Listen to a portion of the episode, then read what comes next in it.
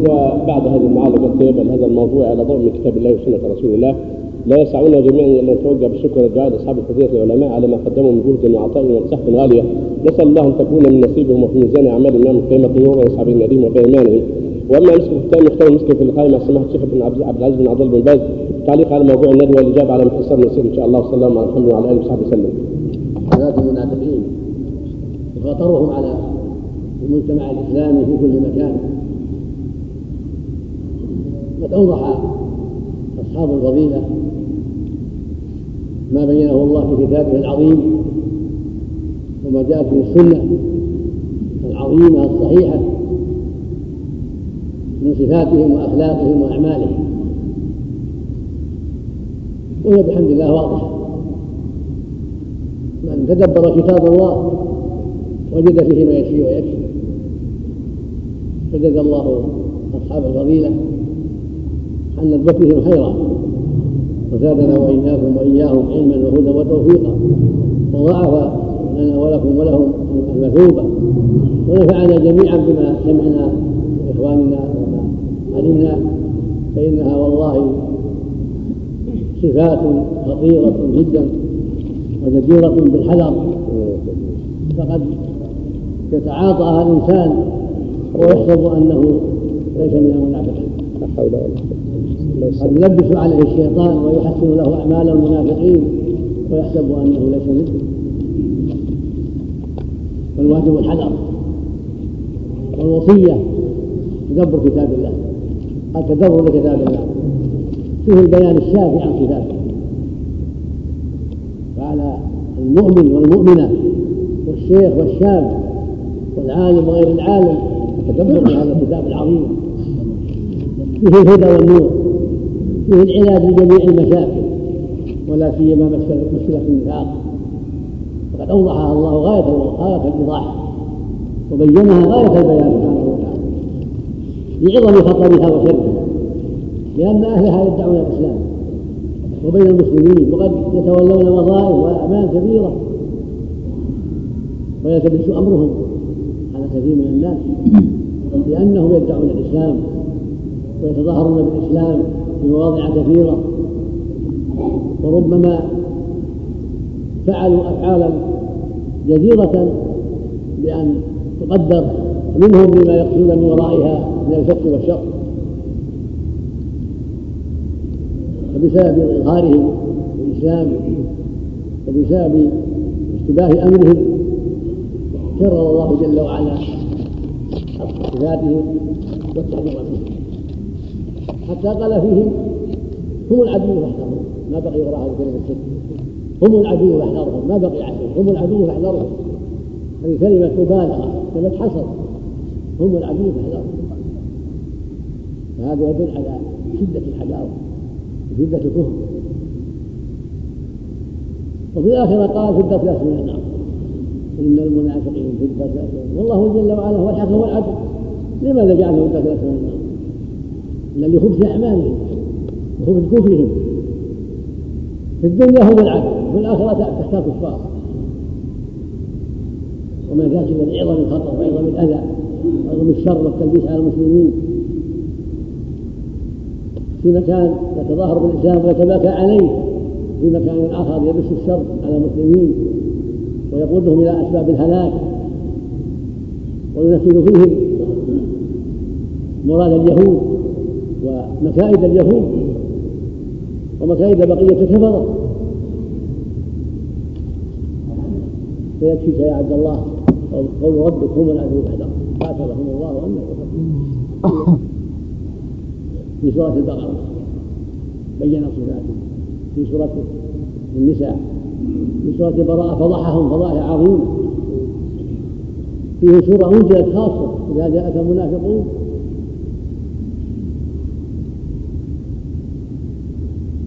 فجدهم بك. أن تبتعد عن أخلاقهم وأن تحذر هذا الحذر. ومن ذلك قوله جل وعلا المنافقون والمنافقات. بعضهم من بعض.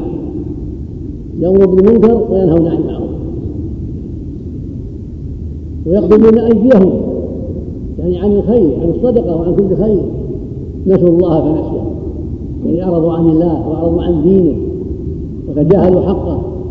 فنسي إن المنافقين هم الفاسقون. هذه صلاة حسن يعني هم خارجون عن طاعة الله. وعد الله المنافقين والمنافقات والكفار نار جهنم بدا بهم. المنافقون قدمهم على الكفار. في حسبهم. ان شافتهم لا بالله. ولعنهم الله ولهم عذاب مقيم نسال الله. ثم قال بعدها والمؤمنون والمؤمنات بعضهم اولياء بعض. ضد أولئك. المنافقون والمنافقات بعضهم من بعض يأمرون بالمنكر وينهون عن المعروف ويقبلون أيديهم. نسأل الله والعافيه وقد لا يامر بالمنكر ظاهرا لكن في الأوقات المناسبة يأمرون به ظاهرا وفي غير المناسبة يأمرون به داخلا وسرا. ومع المسؤولين أو مع التجار أو مع من يرون أن دسه عليه عليه ينفعهم. ويمكن من مقاصدهم وقد يلتبس أمرهم على الراعي وعلى الامير وعلى القاضي وعلى الداعي إلى الله. قد يلتبس أمرهم فيقبل الله يقول في حقه حق النبي صلى الله عليه وسلم. ومن حولكم من الأعراب منافقون. ومن أهل المدينة مردوا على النفاق. لا تعلمهم نحن نعلمهم وهو النبي صلى الله عليه وسلم. لا تعلمهم نحن نعلمهم سنعذبهم مرتين ثم يردون إلى عذاب. يعلم جماعة منهم ولا يعلم آخرين عليه الصلاة والسلام. يعلم قوما ولا يعلم قوما لكنهم يعرفون بصفاتهم وأخلاقهم. عند تتبع أعمالهم وأقوالهم واقوالهم حالهم ومتى ابرزوا نفاقهم وزندقتهم صاروا زنادقة صاروا كفار. متى أعلنوها وجب على ولي الأمر حكم الله فيهم بالردة والقتل. متى أعلنوا الكفر؟ ولكنهم في الغالب لا يعلنون ولكن تظهر عليهم اماراتهم وعلاماتهم من أخلاقهم وأعمالهم. هم يتبرؤون كما فعل عبد الله بن أبي كل ما نسب اليه تبرأ منه.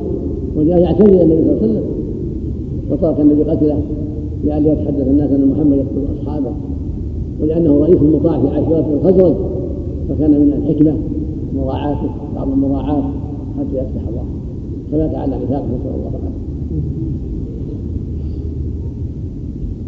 والله جعل للمؤلف قلوبهم حقا في الزكاة وحقا في بيت المال لما في تأليف المصالح العامة بعض بعض الكفار قد يحتاج إلى تأليفه للمال يدفع شره أو لعله أن يسلم أو يدفع به شر آخرين أو لعل غيره مسلم أو يقوى إيمانه أو يقوى إيمانهم.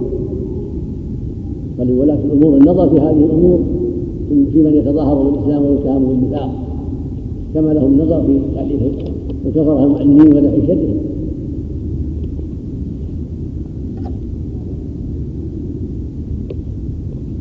والله أمر بجهادهم جهاد المنافقين اذا أعلموا نفاقهم وعرفوا جاهدوا مع الكفار. يا أيها النبي والمنافقون والله عليهم. متى ظهر نفاقهم. جوهدوا الكفار ويقول جل وعلا في حقهم إن المنافقين يخادعون الله. وهو خادعهم. يخادعون بإظهارهم الإسلام في مواضع. وإظهارهم الكفر عند أصحابه. يخادعون الله وهو خادعهم جل وعلا. وإذا قاموا هو خادعهم يوم القيامة يكن لهم أنهم ناجون يوم القيامة ثم يحشرون إلى النار نسأل الله العافية. وإذا قاموا إلى الصلاة قاموا ومن خداعه لهم الدنيا إملاؤه لهم وإنظاره لهم سبحانه وإذا قاموا إلى الصلاة قاموا سعي هذه من علامات الظاهر. هل ترضى أيها المؤمن بهذا نفسك تكون مع المتأخر عن الصلاة؟ لا تأتيها إلا دبارا كأنك تدفع. وهكذا مرأة ترضى بهذا نفسها تكون من المنافقات. لا تأتي الصلاة إلا دبارا لا تقوم إليها إلا دبارا وكسلا. إن المنافقين يخادعون الله وخادعهم وإذا قاموا إلى الصلاة قاموا. علامة ظاهرة أثقل الصلاة على في صلاة العشاء وصلاة الفجر. في عليهم ثقيلة كل صلاة ثقيلة عليهم لكن العشاء والفجر أثقل. وفي هذه الآية يقول وإذا قاموا إلى الصلاة قاموا. كل الصلاة. فالواجب الحذر من هذا الخلق الجميل من أخلاق المنافقين. التثاقل عن الصلاة.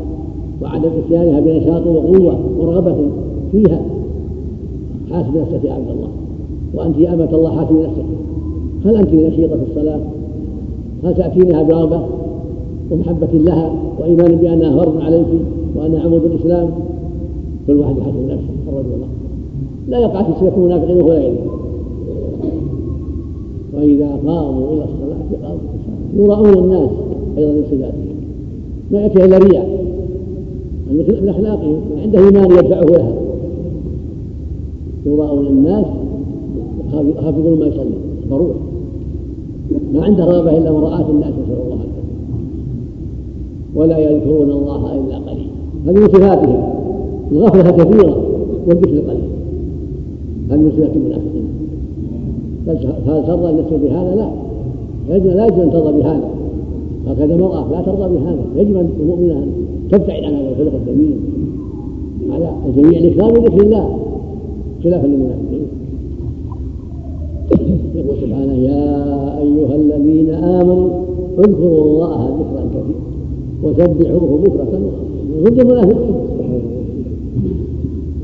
ويقول جل وعلا في صفة المؤمنين والذاكرين الله كثيرا والذاكرات أعد الله لهم مغفرة وأجرا عظيما.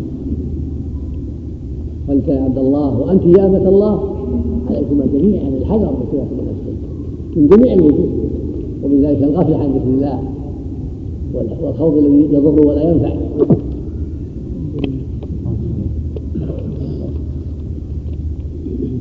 مذبذبين بين الآية سورة خامسة صفات المذنبين خامسة. مذبذبين بين ذلك. لا إله هؤلاء ولا إله هؤلاء هذه من صفاتهم الخبيثة الذبذبة. ليسوا ثابتين على الحق. ما عندهم ثبات مر مع الكفرة ومر مع المسلمين. ترى مع هؤلاء وترى مع هؤلاء. مذبذبين بين ذلك. لا إله هؤلاء ولا إله هؤلاء. إن رأوا المسلمين انتصروا على عدوهم وصارت لهم الدولة صاروا إليه وإن رأوا هزيمة على المسلمين وانتصار الكافرين صاروا إلى الكافرين. فهم مذبذبون حائرون. ليس عندهم ثبات على الحق. الآية يقول جل وعلا وما منعهم أن تقبل نفقاتهم إلا أنهم كفروا بالله وبرسوله هذه عقيدتهم باطلة كفروا بالله وبرسوله ولا يأتون الصلاة إلا وهم كسالى ولا ينفقون إلا وهم كافرون. هذه عقيدتهم.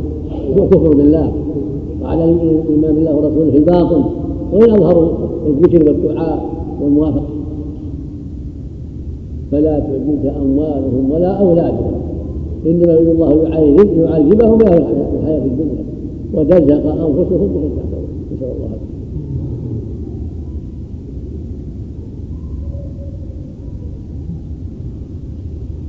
المقصود أن الله جل وعلا أوضح صفاته أعظم الإيضاح في الكتاب العزيز.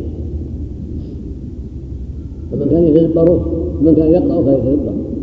ومن كان لا يقرأ فليقرأ القرآن المسجل. موجود بحمد الله الآن في أشرطة عندكم. اللي ما يقرأ يسمع يسمع الإذاعة. مع الشريط اللي فيه القرآن يسمع إذاعة القرآن. حتى يستفيد من الرجال والنساء. العامل لا يقرأ القرآن يستفيد يقرأ. يستمع للإقراء. حتى يستفيد. يقول ربنا عز وجل وإذا قرئ القرآن فاستمعوا له وأنصتوا فأنت بحمد الله عندك. القرآن موجود. اسمع. إذا كنت لا تقرأ. استمع. وأنت كذلك يا أمة الله استمعي. إذاعة القرآن فيها خير عظيم. فيها القرآن وفيها المواعظ. فيها نور على الدرب. في إجابة الأسئلة المهمة. هذه منحة من الله. تيسر من الله. ثم لك الحمد. في أشرطة جيدة. تسجل فيها القرآن الكريم. مواعظ عظيمة. ودعوة إلى الله. وإيضاح لما قد يخفى من مسائل الدين فالإنسان يستمع الذي لا يقرأ الذي لا يقرأ. حامل لا يقرأ يستمع يستمع الفائدة مع إخوان يجتمعون على فائدة. يقرؤون يستمعون للقرآن يستمعون طريقا صالحا ينفعهم. وفي كتاب الله من بيان الحق والدعوة إليه ما يشفي إن هذا القرآن يهدي للتي قل هو للذين آمنوا هدى وشفاء كتاب أنزلناه إليك مبارك ليدبروا آياته وليتذكر أولو الألباب. كتاب أحكمت آياته ثم فصلت من لدن حكيم خبير. وهذا كتاب أنزلناه مبارك فاتبعوه واتقوا لعلكم ترحمون. ويقول سبحانه ونزلنا عليك الكتاب تبيانا تبيانا لكل وهدى ورحمة. وبشرى فوصيتي لجميع من يستمع الكلمة وصيتي للجميع من رجال ونساء في كل مكان. العناية بالقرآن. والإقبال على القرآن والإكثار من تلاوته وتدبر معانيه والمذاكرة مع الزملاء والزميلات الطيبات في ذلك المعاني مراجعة كتب التفسير فيما أشكل كتب التفسير معتمدة ابن كثير ابن جرير والبغوي كتب طيبة إذا أشكل دليل عليك معنى تراجع التفسير مع الزميل تتلاقى مع مع الزميلة مع الأستاذة مع الأستاذ. فائدة مطلوبة. يقول النبي صلى الله عليه وسلم من سلك طريقا يلتمس فيه علما سهل الله له به طريقا الجنة والطريق هو باللزوم الحسي الطريق الحسي يكون معنى.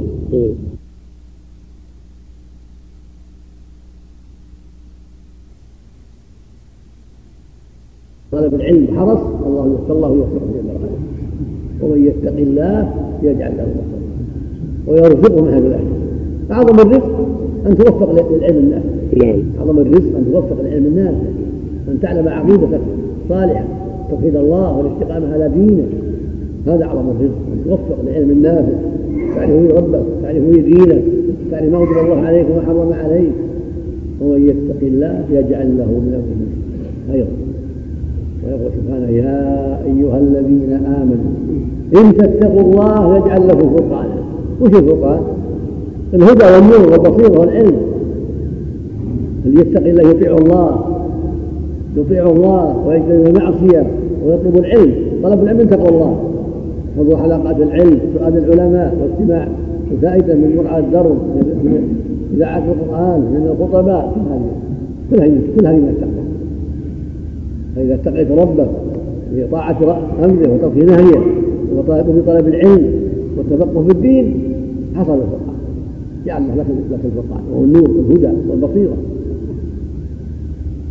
أما أن تعرض عن هذا كله كيف يجي الفرقان؟ المعرض ما ما ما أدى واجب التقوى. ما اتقى كما يجب. المتقي لله هو المستقيم على أمر الله. المحافظ على أمر الله. التائب في محارم الله ومن التقوى طلب العلم والتفقه في الدين.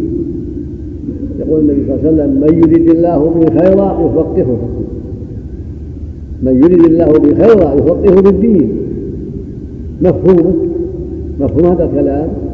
أن الذي لا يفقه في الدين ما اراد الله الذي يبقى على جهالة معرض ما اراد الله فهل يرضى الإنسان بهذا؟ يرضى المؤمن بهذا؟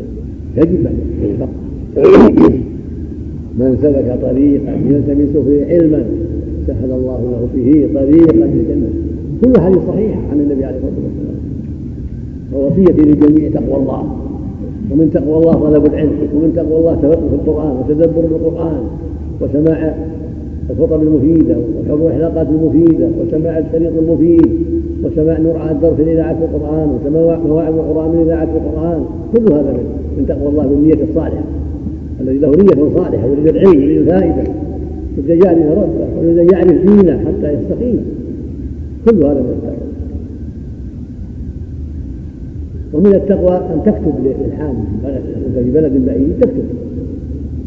تقول أشكل عليك كذا وش معنى كذا لكن ما عندك أحد يعلمك ولو كنت في مسافات طويلة تكتب. لمن تظن أن عنده علما تعتقد أنه على سنة وأنه من أهل السنة تكتب. كلم بالهاتف. تلفونات أيضا فيها خير كثير لمن استعملها في الخير. تكلم بالهاتف. تلفون. تكتب كتابة. تصل أشكل عليه كذا وكذا. وش معنى كذا وكذا؟ تكتب العالم في أي قرية وفي أي بلد تعرف أنه طالب علم وأنه على خير وأنه مأمون تكتب له تسأل. هذا من طلب العلم. نسأل الله أن يوفق الجميع للعلم النافع والعمل الصالح. ويوفقنا وإياكم بالاستقامه والثبات على دينه وان يعيذنا وإياكم من أنفسنا من سيئات أعمالنا ومضلات الردى.